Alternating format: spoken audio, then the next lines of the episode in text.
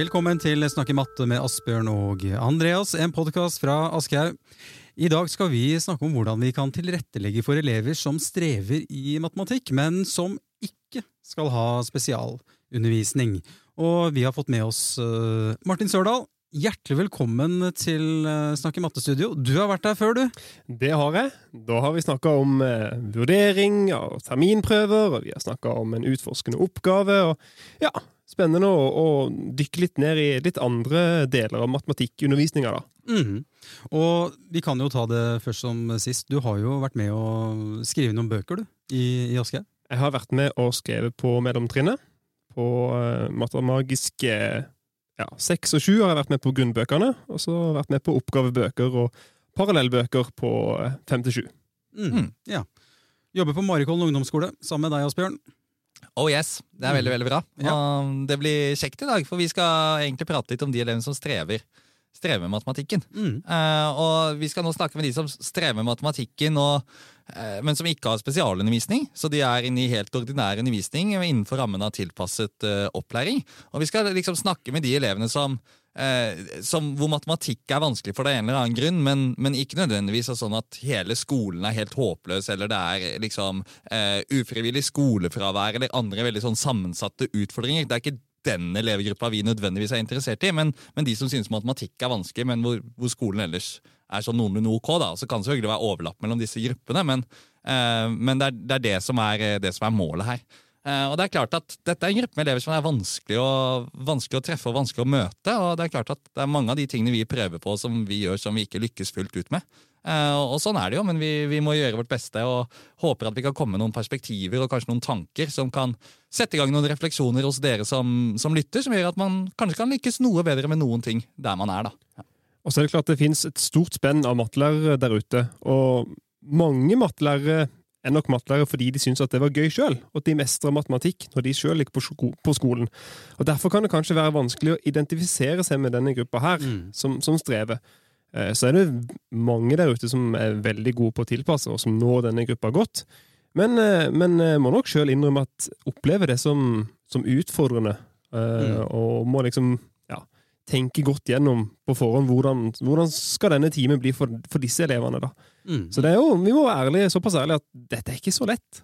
Det er kjempevanskelig, og det er også stor variasjon på hvor mye ressurser man har tilgjengelig til å følge opp denne elevgruppa. Er det sånn at eh, er én lærer per klasse i en klasse med 30 elever, og det er det man har av ressurser?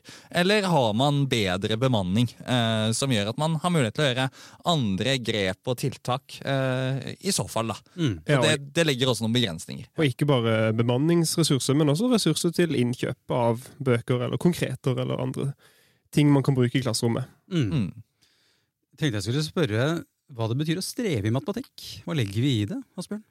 Altså jeg tenker jo Det er elever som selv opplever at matematikk er eh, vanskelig. og At de selv uttrykker det at de har liksom lav mestringsfølelse i faget. Eh, og i den gruppa så finnes det jo elever som bare opplever selv at ting er litt vanskelig, men det går egentlig ganske greit. Og så finnes det de som eh, synes det er betydelig mer utfordrende, og som egentlig ikke henger helt med på det vi gjør i klasserommet, og som føler at det kanskje blir veldig mange ulike deler. Noen eh, opplever at det er mange regler og ting å forholde seg til, og de egentlig ikke har forstått hva er det disse sammenhengene her er for noe.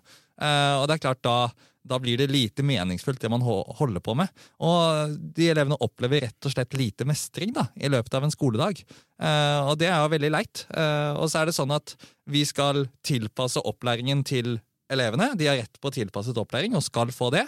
Og samtidig så skal vi ikke avvike fra kompetansemålene i faget så lenge eleven ikke har noe vedtak om spesialundervisning. Mm. Og Det der er en utfordrende balansegang, spesielt når man kommer opp på ungdomstrinnet og man også får karakterer og skal sette karakterer eh, på, på, denne elevgruppa. Da.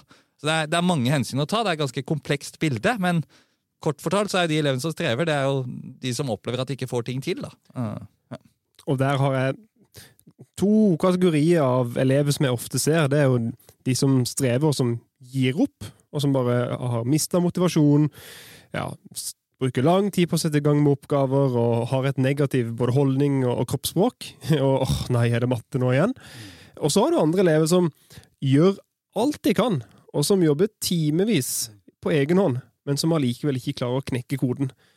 Så det finnes litt ulike elevtyper, og det er litt ulike måter å, å møte dem på. Mm. Mm. Og så blir spørsmålet da hvordan vi skal eh, tilrettelegge. Og jeg tenkte å ta opp disse parallellbøkene som Mm. dere har eh, skrevet. Eh, Forklar først, Asbjørn, hva er en parallellbok? En parallellbok det er en bok som følger den samme strukturen og kapittelinndelingen som i grunnbøkene til eh, Matemagisk, eh, og som tar for seg det mest sentrale eh, fagstoffet og, og, og faginnholdet. Og så er det tilpasset, i den forstand at noen oppgaver er gjort eh, noe om, noe forenklet. Elevene har fått mer eh, støtte til hvordan de skal løse oppgavene. Eh, Og den mest sånn synlige forskjellen er jo at elevene kan skrive rett inn i boka. Så det er satt av plass til at elevene kan skrive. Og så har vi vært veldig opptatt av når vi har laget disse parallellbøkene, at vi skal ikke ta bort eh, liksom utforskingen, argumentasjonen osv. for disse elevene. De må også trene på å argumentere for sine svar, de må trene på å skrive strukturerte besvarelser osv. Men de får noe mer støtte til det. Men det er ikke bare sånn at dette er en redd sånn innfyllingsbok uten noen utregninger eller uten noen figurer og den type ting. Dette skal elevene eh, fortsatt produsere i, i, i bøkene, da. Eh, men de får noe mer eh, hjelp til å strukturere besvarelsene sine. De får eh, noe mer visuell støtte. Eh, og det er klart at det er mange oppgaver som er fjernet sammenlignet med grunnbøkene. Vi konsentrerer oss her om det mest sentrale fagstoffet, eh, og i Matemagisk så er jo det da eh, de viktigste oppgavene fra Følg stien og, og Fellesløypa som, som er med. Vi har for eksempel tatt bort hele terrengløypa, for det Ja. vil ikke være så relevant for denne elevgruppa.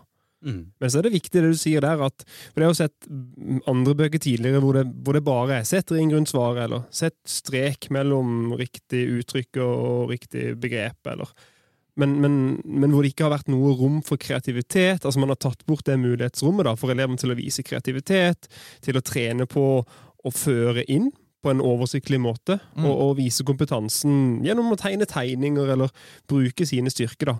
Eh, Så det er jeg veldig glad for at vi har i hvert fall forsøkt å ivareta da, Mm. gjennom disse parallellbøkene. Var, dette, ja, var dette noe dere var veldig bevisst på? Akkurat det der før, I forkant hadde dere en diskusjon rundt hvordan dere altså Sannsynligvis hadde dere en diskusjon om hvordan det skulle se ut, men eh, hvilke liksom refleksjoner, og hvorfor gjorde dere de refleksjonene rundt det? Vi, vi hadde ganske mange runder med, med refleksjoner rundt dette, og også utprøving med ganske mange konsulenter for Ja. å få innspill på hva eh, disse konsulentene vi hadde som var lærere, hva ønsket de egentlig.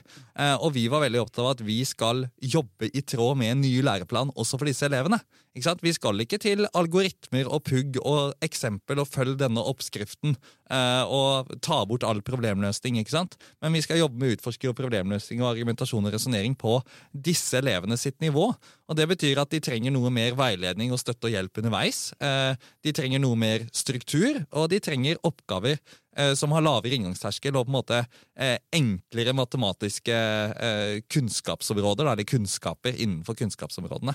Eh, Det er viktig. Ja. Og kanskje spesielt den andre gruppas elever som jeg snakka om i stad. Disse som jobber, jobber, jobber, jobber veldig hardt, men som ikke klarer å knekke koden. De har jo ofte veldig instrumentell forståelse. Mm. De har gjort et eller annet tidligere, og så skal de gjøre akkurat det samme en gang til. Men de klarer ikke å overføre hvilke, hvilke strategier, hvilke prinsipper var det er lært med nå. Og de har jo veldig godt av å ikke nødvendigvis bare trene på, på å fylle inn og sette strek, men å lære seg noen ferdigheter og som har overføringsverdi til seinere temaer og, og andre matematiske konsepter. Så, så den gruppa tror jeg har veldig, veldig godt av å vi også trene på det. At selv om du jobber lenge, eh, og kanskje har stange hodet i veggen, så betyr ikke det nødvendigvis at du har jobba med de riktige type eh, oppgavene. Fått deg de ferdighetene du trenger til seinere. Og så er det en viktig ting i parallellbøkene at vi har hjulpet lærerne med å plukke ut det virkelig viktigste innholdet. Ikke sant? Fordi det er jo uh, sånn at man kan jobbe med disse parallellbøkene parallelt, der er navnet parallellbok, med grunnbøkene. ikke sant? Sånn at man skal i fellesskap i klasserommet og i fellesløypa, så vil de aller fleste oppgavene derfra være i en eller annen variant i denne eh, parallellboka. Men de kan ha fått noe mer støtte og noe mer hjelp til å henge med i det som skjer i fellesskap i klasserommet. Fordi dette skal ikke være en egen gruppe med elever som har et helt eget undervisningsopplegg. De skal være integrert, eller inkludert er kanskje et bedre ord, i liksom fellesskapet i, i klassen. Eh, og så har vi samtidig, når elevene skal trene individuelt, og det trenger de også å gjøre, så har vi eh, lagt inn enda flere av de aller enkleste oppgavene i parallellbøkene sammenlignet med i grunnbøkene. Så man får enda flere muligheter på å trene på eh, det mest grunnleggende i faget. Når er det man begynner å tenke i retning av parallellbok for, for elevene? Når er det du tenker at det, her har vi en parallellbokelev? Eh, Det er jo, ser vi ganske tidlig hvis elevene, elevene strever, rett og slett. Eh, Og hvis vi tenker på ungdomstrinnet, da, så har vi sagt at alle elever som på en måte har som mål å få opp til karakteren tre, altså Ja. toer eller treer, da, det er liksom målet eh, for eleven, så tror vi at parallellbøker kan være eh, hensiktsmessig for denne elevtypen. Eh, og så er det klart at de som trenger innskrivingsstøtte og strukturhjelp, og en del sånne type ting, de kan også ha glede av parallellbøker eh, i noe, selv om de også presterer på en måte høyere karaktermessig i selve matematikken. da. Men også på barneskolen så vil jo elevene ha glede av dette. og da, Der ser man jo kanskje i enda større grad på de som trenger innskrivingsstøtte og hjelp til den strukturen, og at det er det viktigste. Og der er det kanskje ikke like stor forskjell i eh, nivået på matematikken på Ja. parallellboka og grunnboka. Eh, den forskjellen der er nok større på ungdomstrinnet, hvor man har kommet lenger i, i matteløpet. da. Mm. Mm. Tenkte på dette her med, med kjerneelementene Mm. for elevene som strever i, i, i faget. Hvordan skal vi ivareta det? Altså, vi var jo litt inne på det i stad, men det handler jo om at vi er veldig opptatt av at elevene her skal trene på disse prosessorienterte kjerneelementene, som jo definerer hva som er det viktigste i faget. For hva er det disse elevene skal lære når de går ut av skolen? Og selvfølgelig skal de ha med seg en del grunnleggende ferdigheter i regning, ikke sant? som man egentlig trener på i alle fag. Ikke sant? Det trenger de for å mestre livet. Men eh, det er ikke sikkert at det som er viktigst for denne elevgruppa, er liksom de konkrete resultatene om formlikhet eller eh, liksom eh, eh, Pythagoras setning eller, eller lineære funksjoner, eksponentialfunksjoner, hva som kjennetegner dem. Det kan hende det er vel så viktig at de har trent på å argumentere for sine svar og kan gjenkjenne argumenter som er ufullstendige. De kan ha trent på å kommunisere godt og få god mottakerbevissthet med de de eh, kommuniserer med. De kan tre, ha trent på å finne generelle sammenhenger som de vil trenge i livet, helt uavhengig av matematikken. Ikke sant? Eh, og den koblingen der på at de trenger å lære seg disse generelle ferdighetene, det trenger denne elevgruppa også. Det er noe av det viktigste i matematikkfaget. Eh, og det står veldig godt beskrevet i ny læreplan hva som er målet med faget i skolen, og hvorfor disse kjerneelementene er viktige. Og det må disse elevene også få, få oppleve. Ja. Mm. Og Derfor så har det vært så viktig å beholde disse gode oppgavene fra grunnbøkene, som går rett inn på problemløsning, som går rett inn på argumentasjon, Mm. som går rett inn på utforsking. Hadde vi tatt bort de oppgavene, så hadde vi gjort disse elevene en veldig bjørnetjeneste. Ja. Det er akkurat dette de trenger å jobbe med. Mm. Har dere inntrykk av at elevene tar det godt imot hvis de får en parallell bok? Det vil nok være litt variasjon, litt sånn personlighetsmessige grunner, og litt avhengig av hvor gammel du er. Mm. Um, på, jeg har jo tidligere, før vi fikk parallellbøker, så har jeg hatt elever som har strevd og så har tenkt ok, du går i åttende klasse nå, men du kan få en, få en femteklassebok. Her står ting litt Mm. enklere forklart. Det har slått veldig begge veier. Noen syns det var veldig fint, men noen syns det ble veldig stigmatiserende, Mm. og ville ikke bruke den. Eh, Det er klart det å ha en bok som ser lik ut som den grunnboka, eh, som inneholder mye av de samme tingene, det, det er mindre eh, oppleves mindre stigmatiserende. Men du har nok elever fortsatt som ikke ønsker å skille seg ut. Og der er det Ja. Man, man, man kan ikke tvinge det på noen elever, da. Det må være et ønske der sjøl også, men der kan man gå i en dialog, da. Og prøve å hente fram hvilke gevinster At elevene er med på hvilke gevinster er det du får av å ha denne boka, da. Mm. Mm. Andre tilpasninger, eh, Asbjørn, enn eh, parallellbok? Jeg tenker at De elevene som strever, så må vi tenke at måten deres å vise kompetanse på der må vi tenke bredt på det. ikke sant? Noen er god på å vise kompetanse muntlig. De må få anledning til å gjøre det. Kanskje kan de spille inn en forklaring på lyd eller på video. Kanskje kan vi ha flere matematiske samtaler og legge veldig vekt på det. Eh, kanskje kan man gjøre noen avtaler om at ok, her prater man sammen. Du skriver mest, jeg prater mest. At man har en sånn arbeidsfordeling i gruppa. Hvem skal gjøre hva? Ikke sant? Eh, kanskje trenger noen innlest tekst for å få med seg instruksjoner. Kanskje trenger noen en mer sånn eh, strukturert plan for timen. Hva er det de skal gjøre? Kanskje trenger noen å få vite liksom at ok, du trenger ikke å forholde deg til alt i denne oppgaven. Konsentrer deg om denne deloppgaven. Det er det viktige for deg. Eh, altså at man gjør en del sånne strukturgrep for å ramme tydeligere inn hva er det man skal gjøre. Kanskje trenger noen å vite litt i forkant hva er det timen egentlig skal handle om, så de kan ta en liten prat hjemme eh, og bare liksom snakke Mm. gjennom hva er det vi skal gjøre, gjøre på skolen. Eh, kanskje trenger noen tilpassede lekser, fordi de eh, enten ikke bør ha så mye lekser, fordi de blir slitne av å være på skolen, og det er mer enn nok, og de kanskje ikke trenger lekser i det hele tatt. Eh, og kanskje trenger man å tilpasse vurderingsformer eh, for denne type elevgruppa.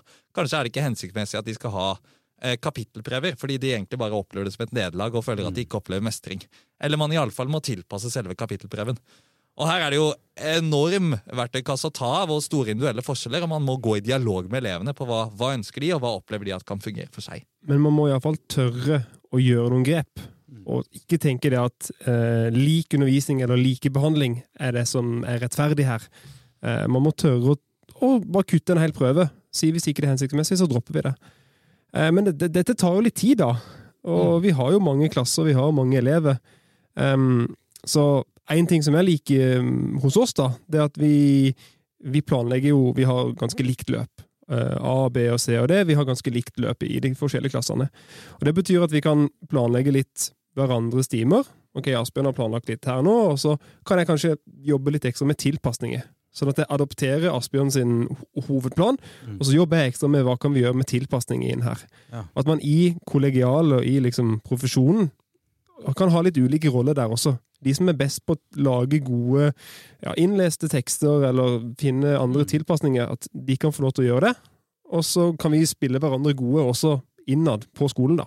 Høres ut som det er et godt miljø for å dele der hvor dere er.